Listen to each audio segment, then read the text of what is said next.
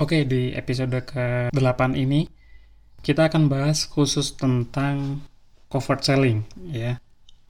Jadi secara bahasa, covert selling itu adalah cara jualan dengan terselubung ya. Jadi kalau misalkan Anda sering lihat iklan gitu ya, sering lihat penawaran, sering lihat berbagai informasi tentang produk, rata-rata itu-itu aja ya. Setidaknya yang umum terjadi atau yang orang awam lakukan ketika pertama kali dia mulai praktek jualan ya. Seperti misalkan kalau Anda baca penawaran di Instagram gitu. Ayo dibeli dibeli dibeli misalkan kayak gitu ya. Itu namanya hard selling ya. Jualan dengan terang-terangan atau dengan belak-belakan ya.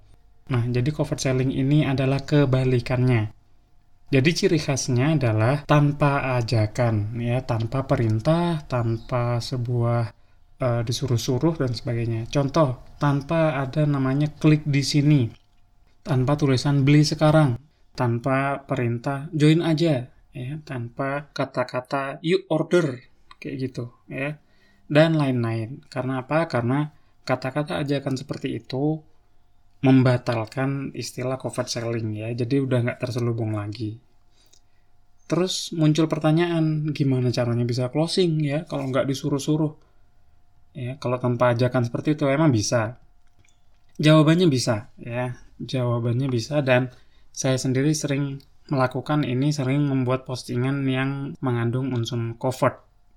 Karena itulah metode covert selling ini punya goal khusus bukan mengajak orang untuk beli, tapi memberi tahu ya.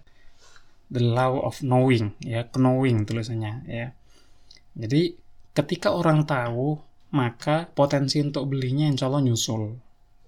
Contoh, kalau orang tahu bahwa mobil BMW bisa parkir sendiri, misalkan dengan tipe tertentu ya, maka orang akan memutuskan sendiri. Jadi dia mau beli mobil tersebut atau enggak ya. Yang penting dia udah tahu bahwa ada salah satu fitur dari mobil tersebut yang memudahkan penggunanya sehingga bisa parkir sendiri. Gitu. Contoh postingan lainnya, misalkan yang bisa Anda praktekkan gitu ya. Anda posting nih, Alhamdulillah gitu captionnya ya Foto yang digunakan adalah foto tumpukan orderan atau tumpukan nomor resi. Ini menginfokan bahwa produk Anda laris, ya. Orang jadi tahu bahwa produk Anda uh, laris, banyak yang beli, sehingga orang jadi pengen ikut-ikutan, ya. Ada teknik mempengaruhi yang bernama social proof. Orang cenderung makan di tempat yang ramai gitu ya. Karena apa? Karena yang ramai dipersepsikan sebagai enak gitu. Jadi seperti itu contoh postingannya ya. Contoh postingan lain ya. Postingannya seperti ini. Bisa kinclong gini ya.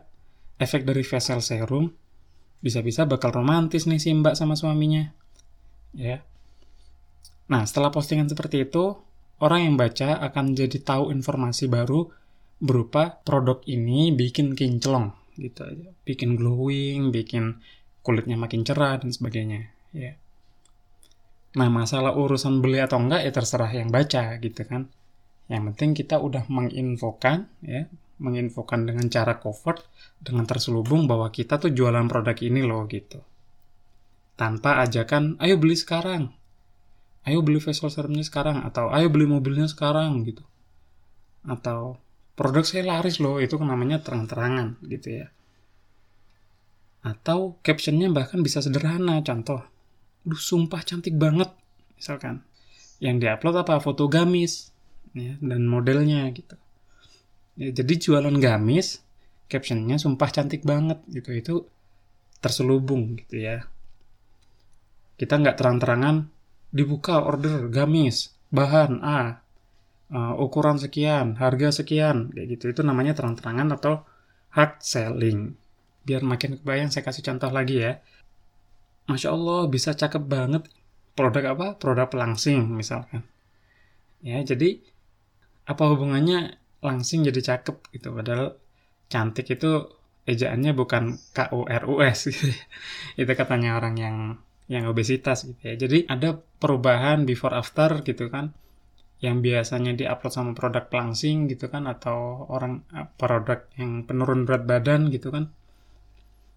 Maka postingannya dibikin secara smooth ya secara covert tidak terang-terangan jualan ngasih tahu nama produknya kasih tahu bahan-bahannya dan sebagainya nah ini cukup menarik untuk dipraktekin karena apa? Saya juga praktekin terutama untuk di sosial media yang orang tersebut nggak kenal sama saya potensi dibacanya lebih gede. Ya, kelebihannya adalah potensi dibacanya lebih gede dan potensi lebih nyaman dibacanya itu lebih gede juga ya. Jadi dari segi kualitas itu bagus karena lebih nyaman dibaca daripada iklan hard selling terang-terangan.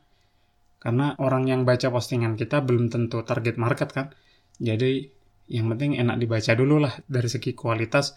Oke, Nah, karena kualitasnya oke, karena potensi yang bacanya lebih banyak, maka kuantitas atau orang yang baca jadi lebih banyak. Dan memang namanya penjualan itu intinya adalah ngasih tahu ya, bukan di closing ya, bukan di pembelian. Beli nggak beli ya terserah si prospek, terserah si pembaca.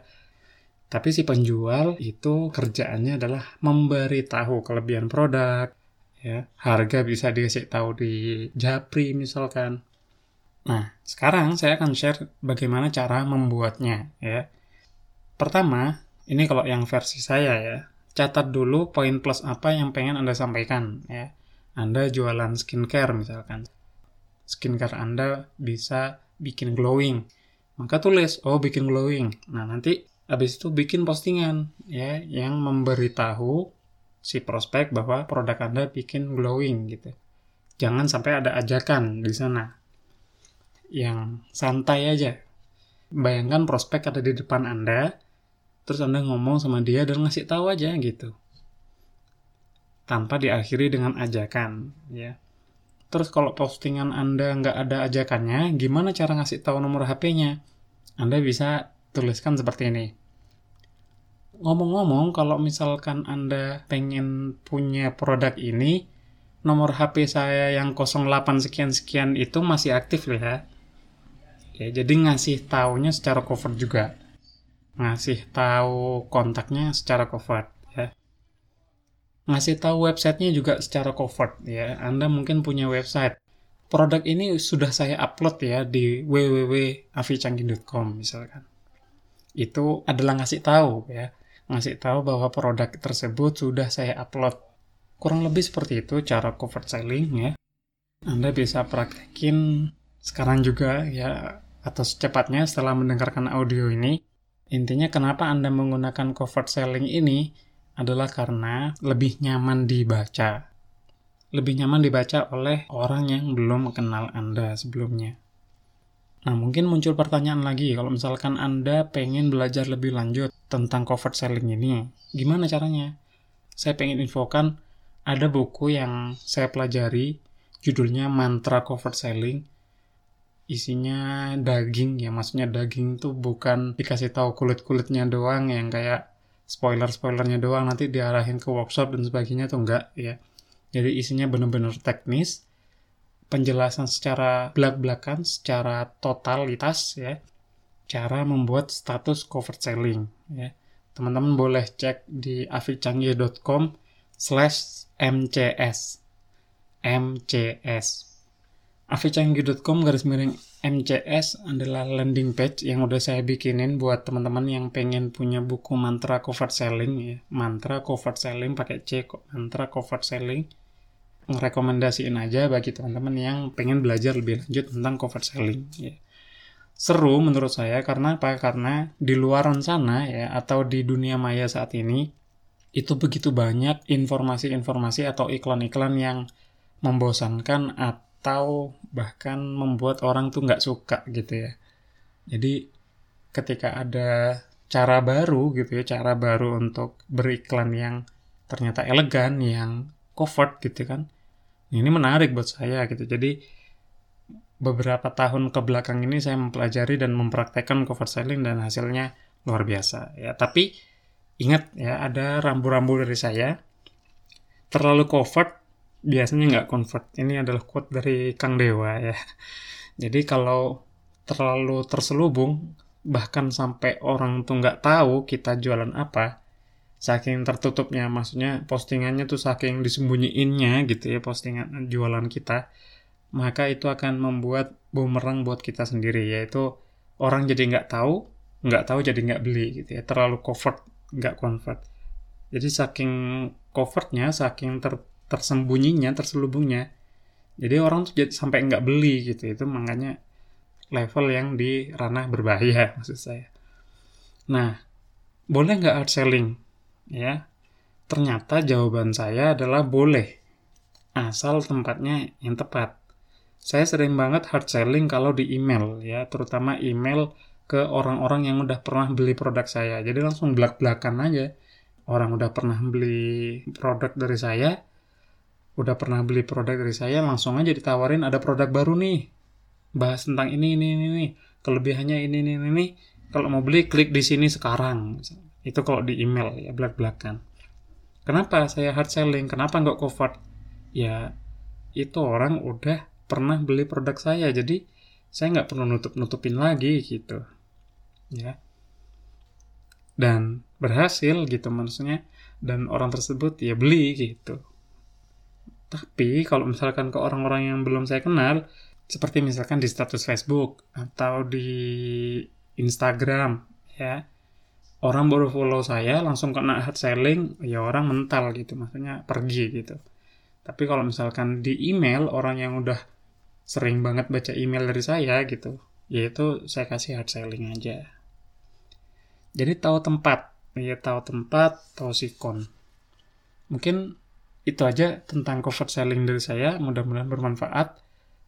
Jangan lupa share ke timnya atau share ke teman-temannya kalau misalkan podcast yang Anda dengar saat ini bermanfaat buat Anda. Oke, sampai ketemu di podcast berikutnya.